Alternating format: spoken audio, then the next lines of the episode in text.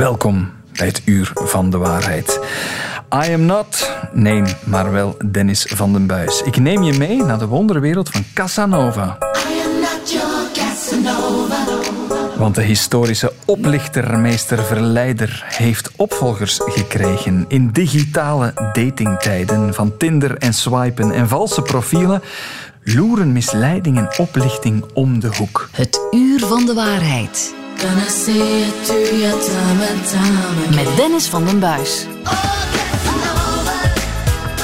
Katrien van de Heijning is bij mij, professor aan de U Antwerpen en ook substituut-procureur bij het Antwerpse parket. Katrien, goedemorgen. Goedemorgen.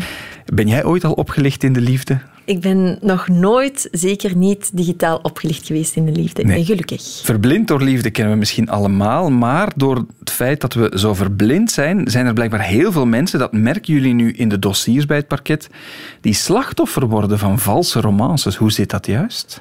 Wel, we noemen dat eigenlijk romance scam of romantische fraude. En het houdt eigenlijk in dat iemand zich gaat voordoen als een persoon die ja, amoureus of seksueel geïnteresseerd is in iemand anders, maar eigenlijk vooral om het vertrouwen te winnen en dan ervoor te zorgen dat die persoon meestal geld gaat overschrijven of andere diensten gaat verlenen voor die persoon. En degene die zich dan voordoet als de geliefde, blijkt achteraf iemand helemaal anders te zijn. En vaak is het ook georganiseerde criminaliteit. Ehm, zijn zij met verschillende vormen van online fraude bezig. En die romance scams is slechts één van in hun trucendoos. Ja, is dat een grootschalige praktijk? Komt dat vaak voor? De dossiers die jullie zien, hoe moeten we dat inschatten? Ja, dat is toch het is iets dat vaak voorkomt. Ehm, van cijfers hebben we eigenlijk vooral de Amerikaanse cijfers. Dus in Amerika is er ehm, over de laatste paar jaren hebben ze dat goed in het oog gehouden van hoe, hoe groeit dat. We zien absoluut een stijging na COVID. Natuurlijk komt dat door COVID. Ja, mensen zaten thuis, gaan dan vaker digitaal op zoek naar de liefde. En als je kijkt naar cijfers, dus in 2019, niet zo heel lang geleden, zeiden ze ja, wij schatten in dat er een half miljoen dollar per jaar verloren gaat aan romance scams. En vorig jaar werd dat berekend op 1,3 biljoen. Dat is Dus een je- miljard in het Nederlands. Ja, een miljard. Dus je ziet een enorme explosie aan de schade en dus ook aan het aantal dossiers. Dus er is wel een versnelling. Het is heel oud, maar er is een versnelling. Kan je een aantal voorbeelden geven? Dossiers die bij jou gekomen zijn, groot orde van schade, hoe gaan ze te werk? Wat springt meteen voor de geest? Wel, een van die dossiers die mij meteen voor de geest springt, ehm, is, en dat is heel typisch, een oudere vrouw die haar partner al een heel tijd geleden heeft verloren. En ja, dan ook ziet hoe dat de kleinkinderen omgaan met de liefde en zich dus ook op een dating-app zet. En dan in contact komt met, en meestal zien we zo twee typische vormen, een rijke businessman of een militair, een Amerikaans militair. En ja, ze geraakt daarmee in contact, wordt er helemaal verliefd op. En die persoon, ja, ze kunnen nooit afspreken om, vanwege de afstand en er komt altijd iets tussen. En die begint dan ook te vragen voor, voor geld. Ehm, omdat, ja, dan komt er altijd een, een onmogelijk verhaal van ze zitten ergens vast en ze geraken niet aan hun visakaart en of ze niet wilt overschrijven. En die mevrouw heeft eh, in totaal 120.000 euro overgeschreven. Zoveel geld. Zoveel geld. En het meest opvallende waarschijnlijk is dat ja, op een bepaald moment de kinderen komen daar natuurlijk achter. Hè, moeder, wat doet je nu? En desondanks, daarna is ze daar terug mee begonnen. Dus er wordt eigenlijk een spiegel voorgehouden van dit is niet echt, dit is fake, dit klopt niet. Maar ze is daar blijven mee verder gaan. En dan zie je letterlijk hoe blind de liefde kan zijn. En zijn dat altijd die trucs die voorkomen? Het, het voordoen alsof je iemand van een ver buitenland bent. We kunnen er niet komen, maar ik heb toch geld nodig? Of zijn er nog andere methodes of manieren? Wel, op, bij de oplichting, bij de online oplichtingen, zien we de enorme creativiteit.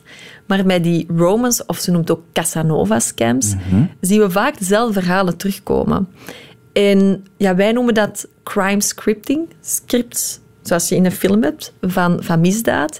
En die worden op dark web ook echt verkocht. Er zijn opleidingen in romance scams. Er zijn zelfs tutorials, lessen, waar dat mensen kunnen zeggen "Ah, ja, ik zit wat vast in mijn romance scam, want het slachtoffer begint toch een beetje eh, nieuwsgierig te worden. Hoe moet ik daarmee verder?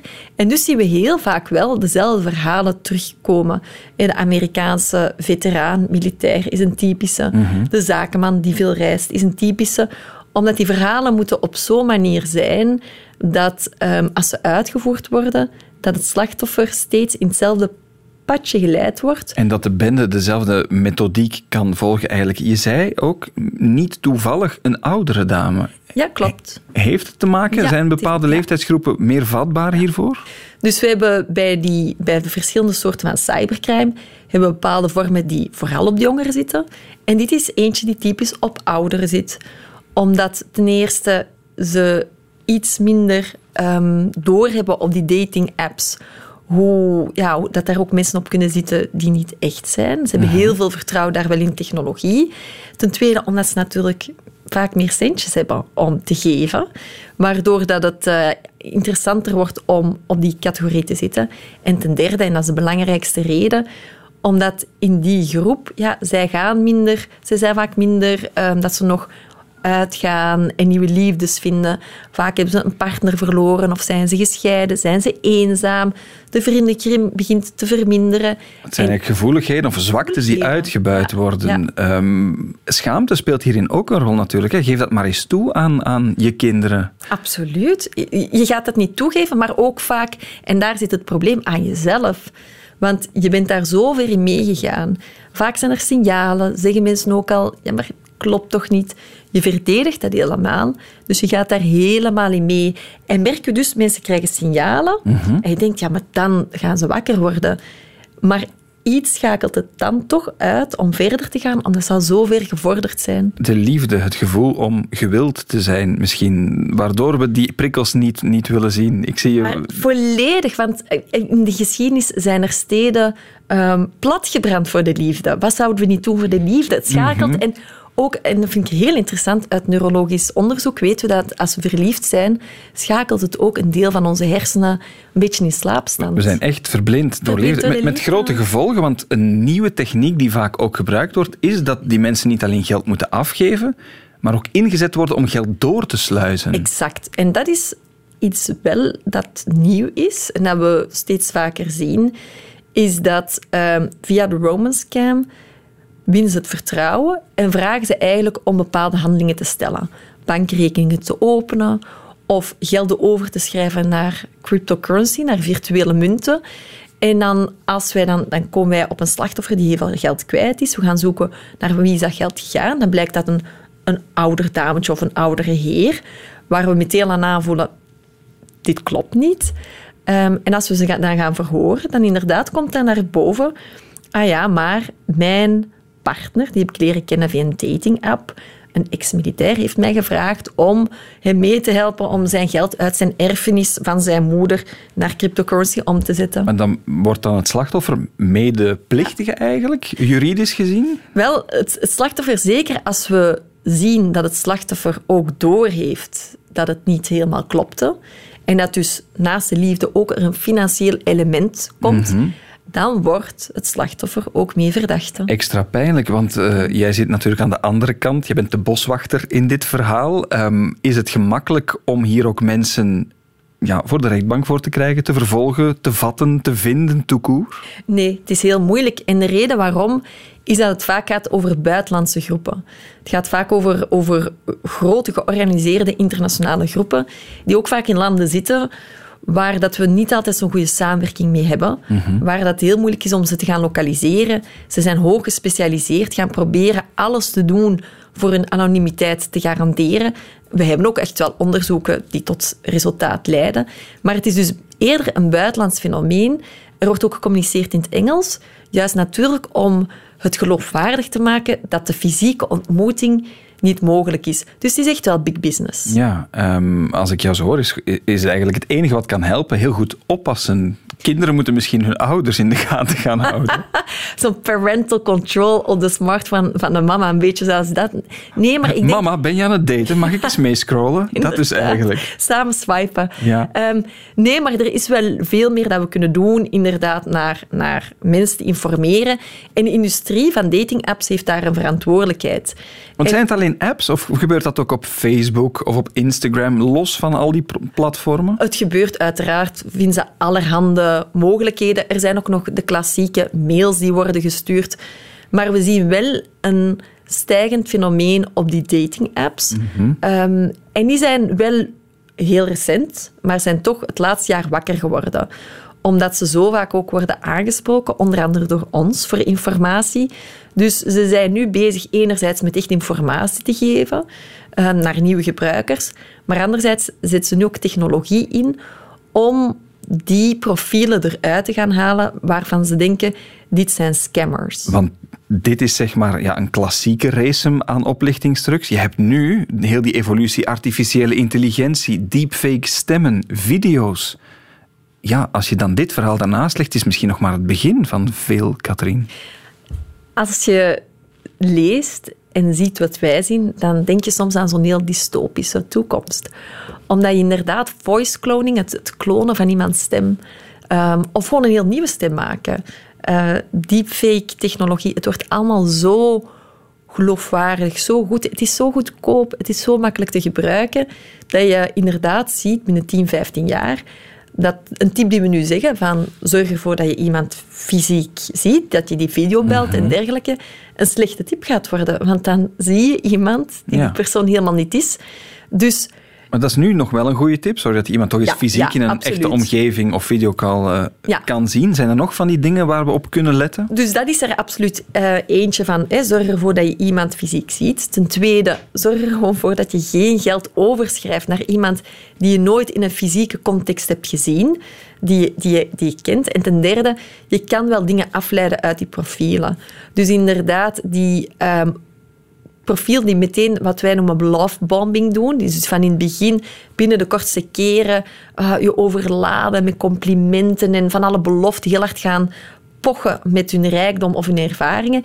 Dat is absoluut een signaal, want ze willen ook niet te veel tijd met jou verspelen. Hè. Ze willen eerst snel proberen, is dit iemand die meegaat in mijn verhaal, ja of nee?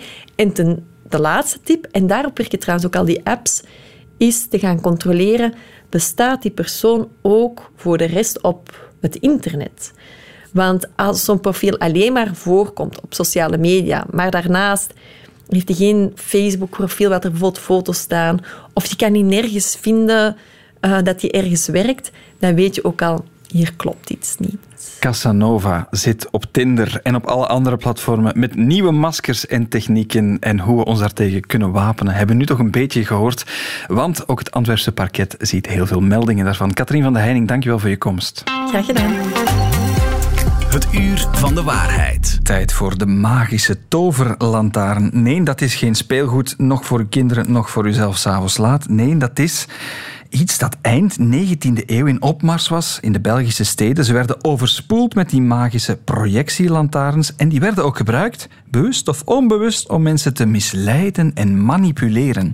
Ik heb iemand hier bij mij die daar alles, maar ook letterlijk alles over weet. Historica Margot Bulesterrein. Margot, welkom. Goedendag.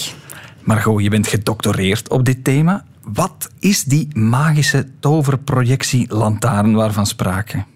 Het was eigenlijk een, projectietoestel al in de 17e eeuw uitgevonden, maar eh, geoptimaliseerd in de tweede helft eh, van de 19e eeuw.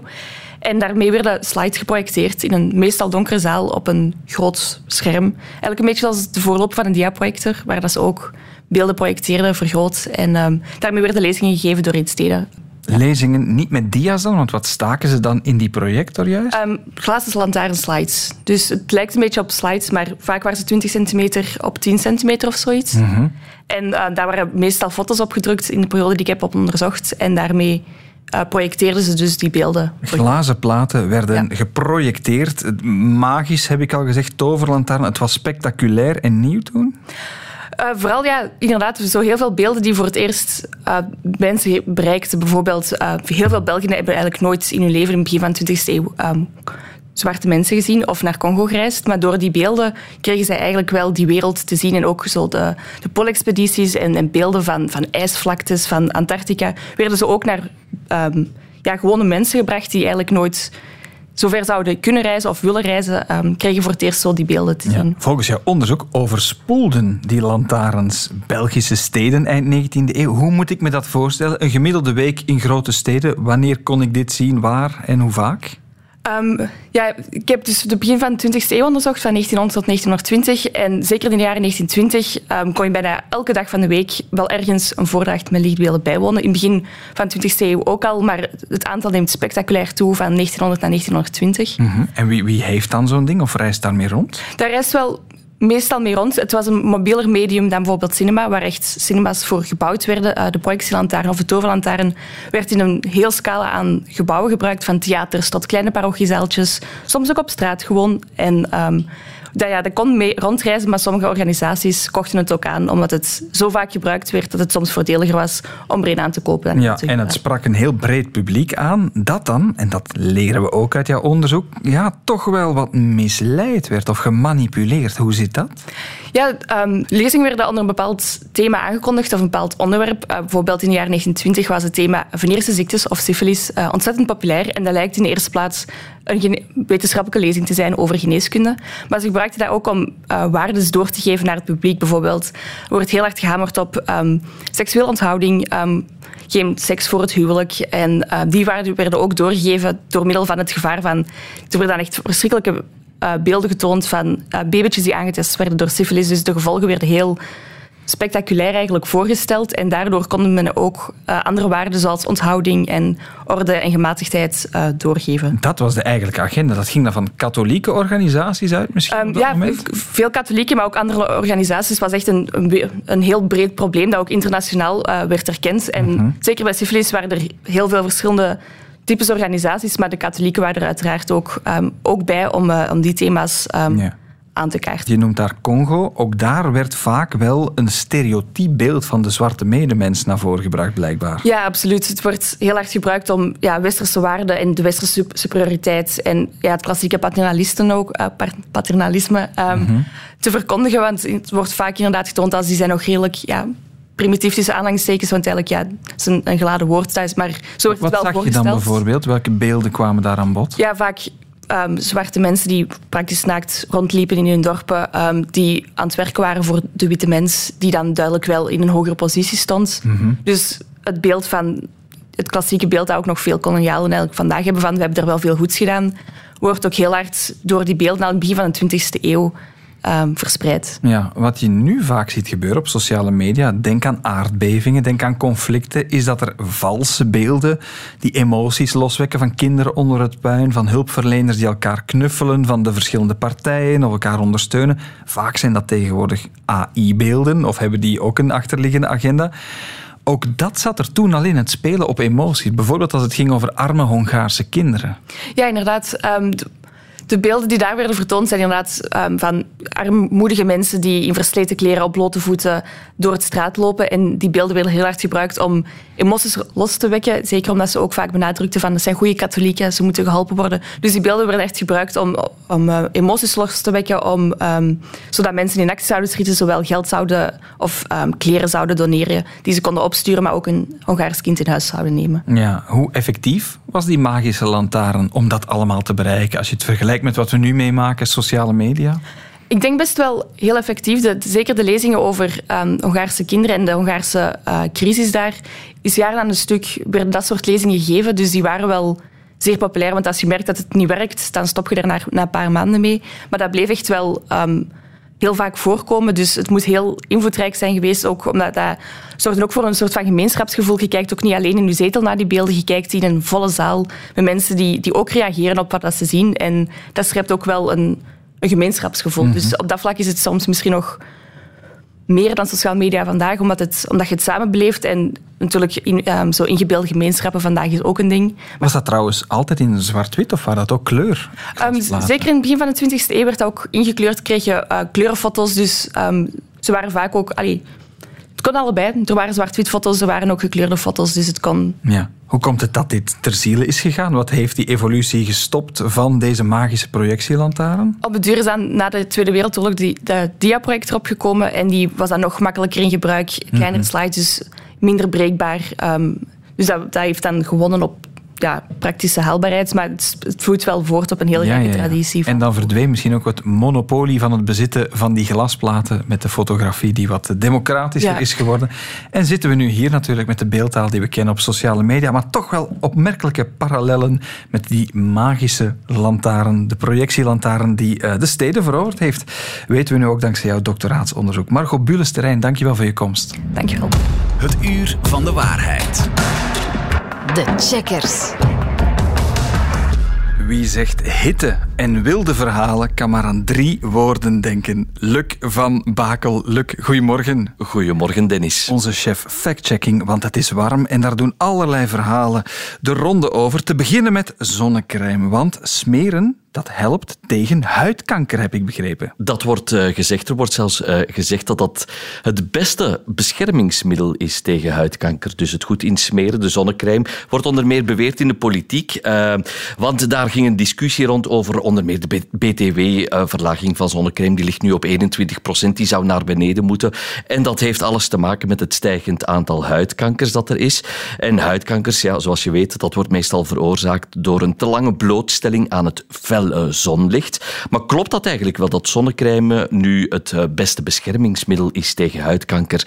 Dat bekeek Marleen Finulst van Gezondheid en Wetenschap. Zonnecrème is zeker een goede manier en het is belangrijk om je te beschermen tegen zonnebrand, maar het effect op huidkanker is eerder bescheiden. En als je dat ziet in grote onderzoeken, dan ziet men dat degenen die regelmatig smeren 20% minder vaak melanoom hebben. Dat is die gevaarlijke vo- vorm van huidkanker in vergelijking met degenen die nooit smeren. Dus er is zeker een effect, maar het effect is eh, ja, eerder bescheiden. Samengevat, Ja, pa. Nee, pa. Ja, pa. Nee, pa. Ja. je goed insmeren is en blijft belangrijk, maar uit de zon blijven is dat nog veel meer. En beschermende kledij dragen, dat is eigenlijk de beste tip. Hè?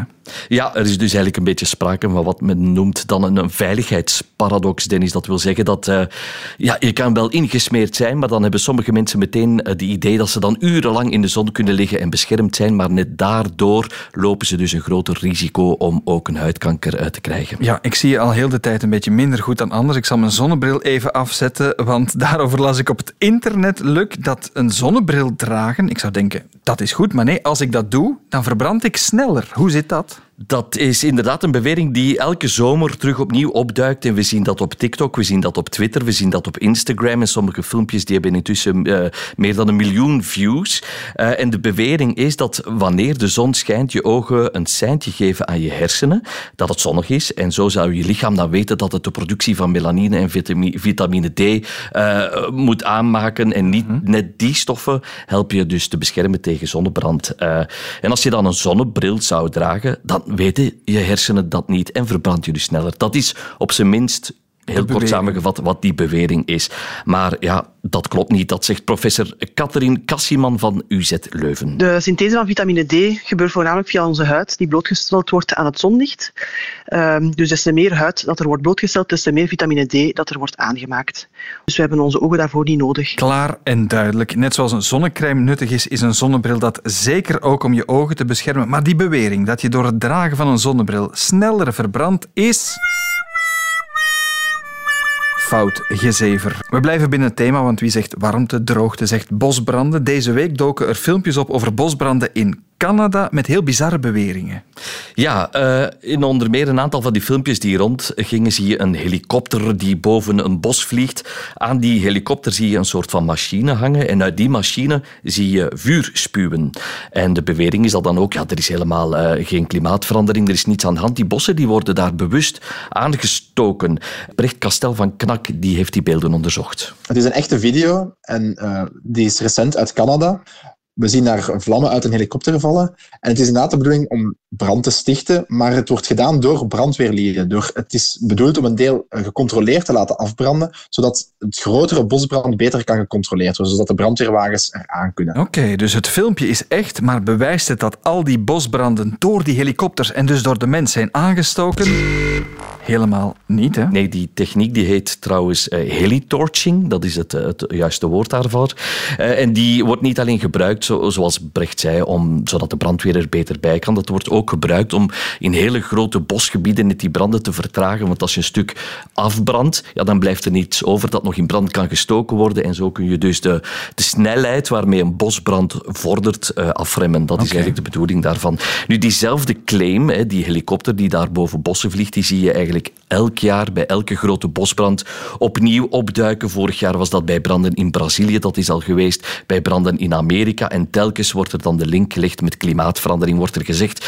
Of lees je op sociale media van, ja, maar kijk, die branden zijn toch aangestoken, laat je toch niet die paniek aan praten uh, van dat het allemaal ligt aan de mhm. klimaatverandering. Maar wat moet je nu antwoorden als iemand dat tegen jou zegt, Dennis? Die vraag heb ik eens voorgelegd aan uh, klimatoloog Wim Thierry van uh, de Vrije Universiteit in Brussel. De klimaatverandering die zorgt ervoor dat het weer op vele plaatsen warmer en droger wordt. En dat, dat gaat ervoor zorgen dat de vegetatie, dat de planten en de bomen, dat die droger zijn. En dat die vatbaarder zijn voor brand. En dat zien we eigenlijk heel, heel duidelijk in onze metingen. We spreken van vuurweer of het brandseizoen. We zien eigenlijk in onze metingen dat het brandseizoen steeds langer wordt. En doordat het, het vuurseizoen, het brandseizoen langer wordt, de vegetatie droger is, is er een veel groter potentieel voor bosbranden om zich te gaan ontwikkelen en zich te gaan verspreiden. Zo, weer alles netjes op een rijtje gezet en gefileerd door jouw chef factchecking Luc van Bakel. Waar kunnen we het rustig nalezen? Dat kan zoals elke week op de pagina van de checkers.be of op onze eigen pagina 14nieuws.be. Ja, en dat is extra hot deze week. Dankzij jou, dat weet ik niet. Luc, tot de volgende. Graag gedaan.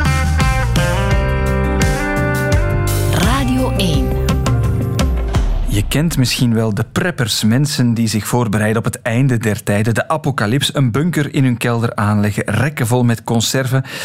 Je hebt ook mensen die zich voorbereiden op de informatieapocalyps. Over het feit dat elk nieuws gemanipuleerd mag worden.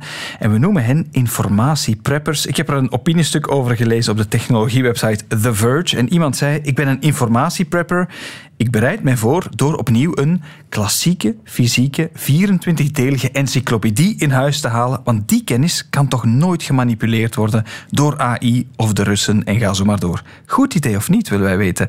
Godfried Quanten is mijn gast. Godfried, een heel goedemorgen. Goedemorgen. Jij bent verantwoordelijk voor het behoud en beheer bij het KADOC. Dat is het uh, documentatiecentrum Religie, Cultuur en Samenleving, ook verbonden aan de Katholieke Universiteit van Leuven. Godfried, heb jij nog een fysieke encyclopedie in huis? Ik heb nog wel veel boeken in huis, maar geen encyclopedie. Nee. Is dat een goed idee wat die informatiepreppers uh, voor ogen hebben? Terug naar de kennis van de boeken? Ik denk dat ook boeken niet steeds betrouwbaar zijn. Ik denk dat daar ook veel onzin, nonsens, eventueel propaganda, mythes uh, in vermeld staan. Dus evenzeer als gepubliceerde informatie desinformatie kan zijn, kan ook de informatie op het web die online wordt aangeboden, kan die ook fake news zijn, kan dat ook verkeerde informatie zijn, mhm. desinformatie. Maar hun visie is wat er zeg maar, in zo'n winkeler Prins 26-delig geschreven is ooit en door wetenschappers gecorrigeerd. Misschien heeft dat meer waarde dan dat we nu bij de tweedehandswinkels wegzetten in tijden waar artificiële intelligentie alles kan aanpassen. Als die, als die encyclopedie, als dat een degelijk werkstuk is, eh, als daar naar bronnen wordt verwezen, eh, als daar referenties worden eh, vermeld, als dat betrouwbare auteurs zijn, autoriteiten, elk op hun gebied, dan is dat zeker betrouwbare informatie. Als daar een goede eindredactie is gebeurd enzovoort. Mhm. Maar men kan op eenzelfde grondige manier ook online te werk gaan en daar bijvoorbeeld ook een encyclopedie online aanbieden. En die encyclopedie is dan nog veel gebruiksvriendelijker. Men kan gemakkelijk verbanden leggen, men kan doorklikken naar verwante informatie enzovoort. maar iedereen denkt aan Wikipedia, uh, maar je hebt ook de grote, de Encyclopedia Britannica bijvoorbeeld, staat ook enkel nog maar online, niet meer op papier. Eh, eh, begrijp je de vrees van sommigen die zeggen de kennis die we nu enkel nog online hebben staan, misschien gaat die ooit verloren of wordt die gemanipuleerd? De Encyclopedia Britannica is, is uh, op papier een autoriteit, een monument, maar is online ook nog een monument. En ik ben er ook van overtuigd dat de uitgevers ook alle maatregelen zullen nemen om de veiligheid van die informatie te garanderen. En dat is mogelijk. Maar natuurlijk, die preppers hebben wel gelijk in die zin dat digitale informatie veel kwetsbaarder is, vluchtiger en inderdaad makkelijker manipuleerbaar als we niet de nodige voorzorgen neemt. En dat is natuurlijk niet zo eenvoudig, die voorzorgen nemen. Want laten we misschien eens in jouw werk bij het KADOC duiken. Als ik denk aan de afgelopen twintig jaar, documenten die jullie moeten archiveren of digitaliseren of bijhouden, dat zullen toch vaak ook al, al e-mails zijn of digitale foto's, alles wat zweeft met bits en bytes. Dat zijn inderdaad de laatste 20, 30 jaar in toenemende mate digitale bronnen, zeggen wij dan. Documenten, beeldmateriaal, geluidsmateriaal, tekstmateriaal. Eh, dat kunnen websites zijn, e-mails, maar dat kunnen ook, en dat is dan zeer moeilijk eh, om te bewaren en binnen te krijgen, daar zijn we nu intensief mee bezig, berichten van social media zijn. TikTok-filmpjes, Instagram-berichten, Facebook, websites en zo verder. En, en hoe houden jullie dat dan bij? Heel concreet. Jullie zien iets op TikTok en dan? Wij gaan niet op ieder bericht reageren en dat opnemen. Wij gaan proberen zaken te groeperen en afspraken te maken met diegene die het verzendt en die interessant is voor ons. Een politicus, een, een sociale organisatie. Ik zeg maar iets, het TikTok-filmpje van Sami Medi, dat kan interessant zijn voor de toekomst? Dat gaan we zeker eh, op een bepaald ogenblik binnenhalen. En dan hopen we dat Sami Medi zijn verschillende filmpjes, zijn verschillende berichten op social media verzameld heeft en die dan als één geheel overdraagt naar KADOC, waar wij dan, en dat is toch onze ambitie, en dat zal, daar zijn we ook volop mee bezig, projectmatig, waar wij dat dan op een duurzame, lange termijn, en dan spreek ik niet van vijf of tien jaar, maar 100, 200 jaar gaan bewaren. En niet alleen bewaren, maar ook zorgen dat daar niet wordt ingegrepen op dat filmpje, dat dat hetzelfde filmpje is als het filmpje van vandaag. En dat we dat kunnen terugvinden op een bepaald ogenblik en ook nog lezen. Ik hoor het je graag zeggen, want als ik denk aan een mail die ik verstuurd heb 20 jaar geleden, ja, het is gemakkelijk om dat wat aan te passen. Dat, dat zijn letters in een gangbaar lettertype. Dat is toch iets anders dan een handgeschreven tekst hmm. uit de jaren 1800 wat wij archivarissen gaan doen en waar KADOC ook de nodige infrastructuur voor heeft, dat is die informatie herleiden tot een aantal basisformaten. En die formaten opslaan in een veilige omgeving. Een zogenaamd digitaal depot, digital repository. Er zijn veel Engelse termen gangbaar in die sector. En dan gaan we dat op een veilige manier, niet zomaar ergens op een server, maar op de centrale computer van de Leuvense Universiteit, gaat dat bewaard worden in basisformaten. Bij dat basisformaat van die verschillende uh, digitale uh, documenten gaan wij een zogenaamde hashcode toevoegen. Dat is een vorm van encryptie. er wordt een, uh, ja, er wordt een code gegenereerd die aan dat document gehecht wordt. Dat gebeurt automatisch, niet manueel natuurlijk. En die code die moet onveranderd blijven. En als die onveranderd blijft, dan weten wij over 200 jaar, wanneer we dat filmpje opnieuw gaan raadplegen, dat het nog het authentieke filmpje is. Zonder dat, daar zonder dat daaraan geprutst is. Aan geprutst is ja. Want Godfried, hebben jullie ooit al de vraag gekregen om te verifiëren of mails echt waren of van bekende personen van wie het archief bij jullie zit? Hmm. Bijvoorbeeld, we hebben het papieren archief van Jean-Luc Dehane, maar we hebben ook een deel van zijn e-mailverkeer. En het zou interessant kunnen zijn voor een onderzoeker om over 20, 30 jaar de e-mails te onderzoeken die bijvoorbeeld samenhangen met de dioxine-kwestie dan moeten wij kunnen garanderen dat die e-mails die wij presenteren aan de onderzoeker, dat die authentiek en integer zijn. Dat zijn twee kernbegrippen. Zijn die e-mails inderdaad de e-mails van Jean-Luc Dehane in die context, in die periode, naar aanleiding van die gebeurtenissen verzonden? En zijn dat nog, is dat nog dezelfde inhoud? Is daar niet aan toegevoegd, weggenomen, gewijzigd? Dat zijn twee kernbegrippen. Mhm. Authenticiteit, integriteit. En dat passen wij toe op casussen, bijvoorbeeld in het geval van e-mailverkeer. Je spreekt, Godfried, over 100, 200 jaar verder. Als ik nu gewoon al denk aan de afgelopen tijd, USB-sticks, dat gaat eruit. De floppy disks, die kennen we niet meer. En ga zo maar door. Hoe kunnen jullie garanderen dat alles wel raadpleegbaar blijft op elke drager? De systemen zijn zo voorzien dat we zaken opslaan in een basisformaat en dat er ook permanent op een geautomatiseerde manier conversies gebeuren naar nieuwe dragers en software. En hoe dat, dat zal eindigen, dat kunnen we inderdaad niet voorspellen. 30 jaar geleden konden wij ook niet voorspellen dat er zoveel encyclopedieën op een klein stickje kunnen. Wat de dragers en de software zullen zijn op middellange en lange termijn, dat is onmogelijk te voorspellen. Maar wij kunnen nu enkel basisinformatie op een veilige manier bewaren, aanreiken en hopen dat de volgende generaties er verder mee kunnen. Als privépersoon is dat heel moeilijk. Hè? Als ik alles wat jij hier zegt naar boven haal, dan denk ik, ja, waar staan mijn foto's van dit of dat platform van 20 jaar geleden? Als privépersoon is dat inderdaad niet, niet haalbaar. En ook de zogenaamde archiveringsmodules die in, in software voorzien is, die is echt ontoereikend. Dus het, het ligt niet binnen de bereik, jammer genoeg, van een privépersoon om, om digitale foto's te bewaren. Voor ons is het al zeer moeilijk. We krijgen ze ook in zeer grote aantallen binnen, zonder selectie. En we zijn altijd blij als we weer eens een mooie oude familiealbum, reisalbum binnen krijgen, die veel duurzamer is. Er is ook een selectie gebeurd van de meest sprekende foto's. Dat is, dat is fascinerend, dat inderdaad de, de fotoboeken uit de jaren 70 en 80 dat die gemakkelijker te raadplegen zijn dan wat we in het jaar 2000 hebben dat meegemaakt. Klopt, ja, dat klopt. Mensen, mensen fotograferen massaal duizenden foto's, maar selecteren niet, ordenen niet. En in die digitale puinhoop, daar kunnen archivarissen ook niet meer mee aan de slag gaan. Nee, wordt toch ook wel eens gezegd, stel er komt een gigantische wereldramp, wat wij overlaten aan nieuwe beschavingen of wat ze kunnen terugvinden. Ja, fysiek is dat zeer, zeer beperkt hè, van de afgelopen decennia. Dat is inderdaad zo, ja. ja. Dan hebben de preppers misschien toch een punt. Maar een encyclopedie zal ook vernietigd zijn. Ja. Tenzij ze in een atoomschuilkelder zitten, natuurlijk. Kijk, uh, of we nu moeten gaan preppen of niet, we hebben toch wat meer inzicht gekregen in uh, hoe het juist zit, de vork in de steel, met digitaliseren, bewaren, manipuleren en denken aan de generaties na ons. Godfried Quante van het KADOK, dankjewel voor je komst. Met plezier gedaan. En daarmee zit deze podcast van het Uur van de Waarheid er weer op. Een co-productie van VRT Nieuws en Radio 1. Wil je meer weten over de wondere wereld van desinformatie, complottheorieën en fake news? Herbeluister dan alle eerdere afleveringen. Dat kan via de app van VRT Max. Tot de volgende.